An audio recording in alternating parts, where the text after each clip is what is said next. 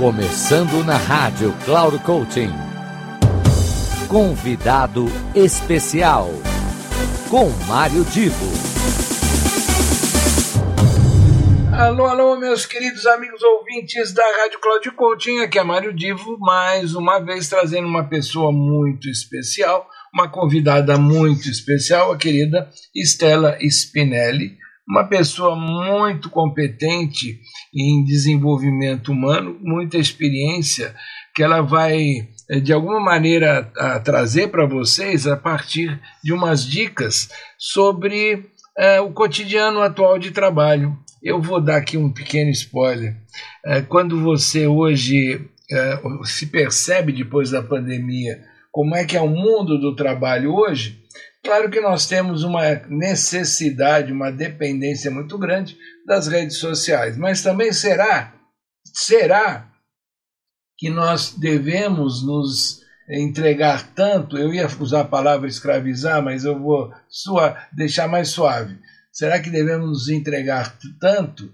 Será que o compartilhamento e o relacionamento tem que ser tão intenso pelas redes sociais e tão pouco intenso no presencial e com as pessoas? Pois bem, Estela vai abordar essa questão e no final eu volto para as minhas palavras de encerramento.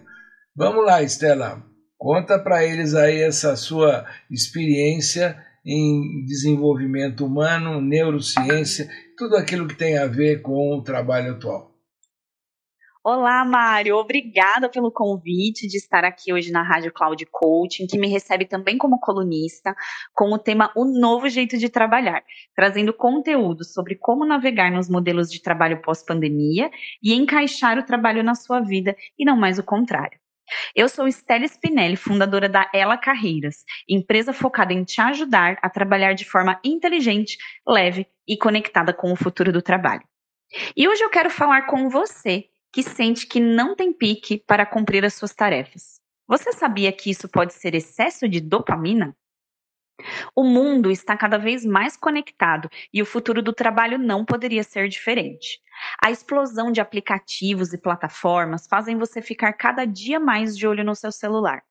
As redes sociais servem para você se inteirar das notícias, acompanhar a vida dos seus amigos e também relaxar rolando feed no fim do dia.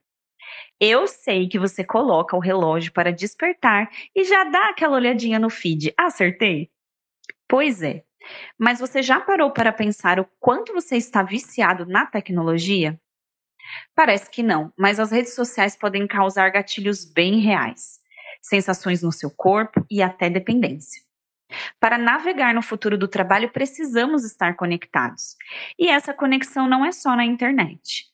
Por quase 20 anos trabalhando em empresas globais e hoje nos meus atendimentos como neurocoaching, frequentemente eu escuto profissionais que querem ser reconhecidos, ter segurança no trabalho e ouvir aquele bom feedback.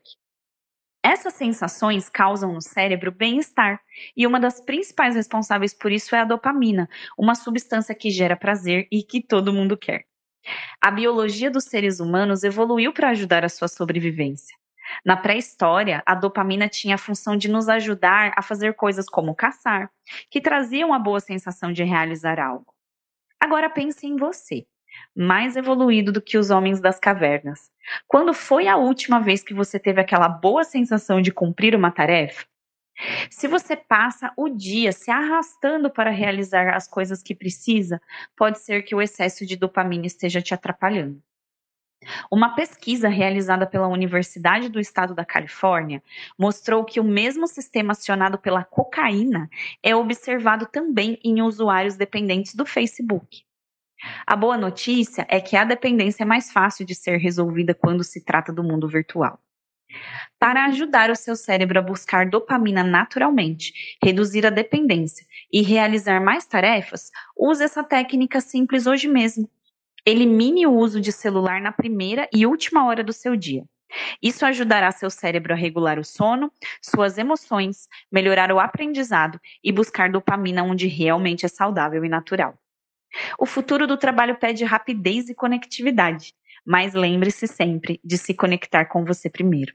E para conhecer mais sobre o meu trabalho ajudando líderes, RHs e profissionais a terem uma liderança autêntica e tranquila, me siga nas redes sociais. Eu estou no Instagram como estela.carreiras e no LinkedIn como Estela Spinelli. Será um prazer conversar com você. Um abraço.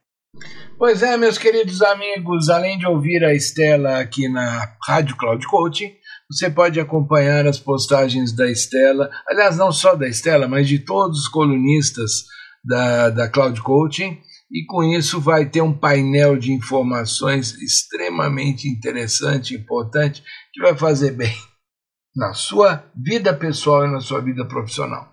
Um grande abraço e até a semana que vem. Final do programa Convidado Especial.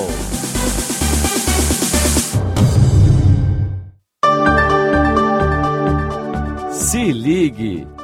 Semanalmente você ouve o programa Convidado Especial, sempre na segunda-feira às 15 horas, com reprise na terça às 5 e meia da tarde e na sexta-feira às 10 horas da manhã. Quem será nosso convidado ou nossa convidada? A surpresa é nossa e a revelação e apresentação de Mário Divo sempre aqui na Rádio Cloud Coaching. Acesse nosso site radio.cloudcoaching.com.br. Confira toda a programação e baixe nosso aplicativo na Google Store. Rádio Cloud Coaching, conduzindo você para o sucesso.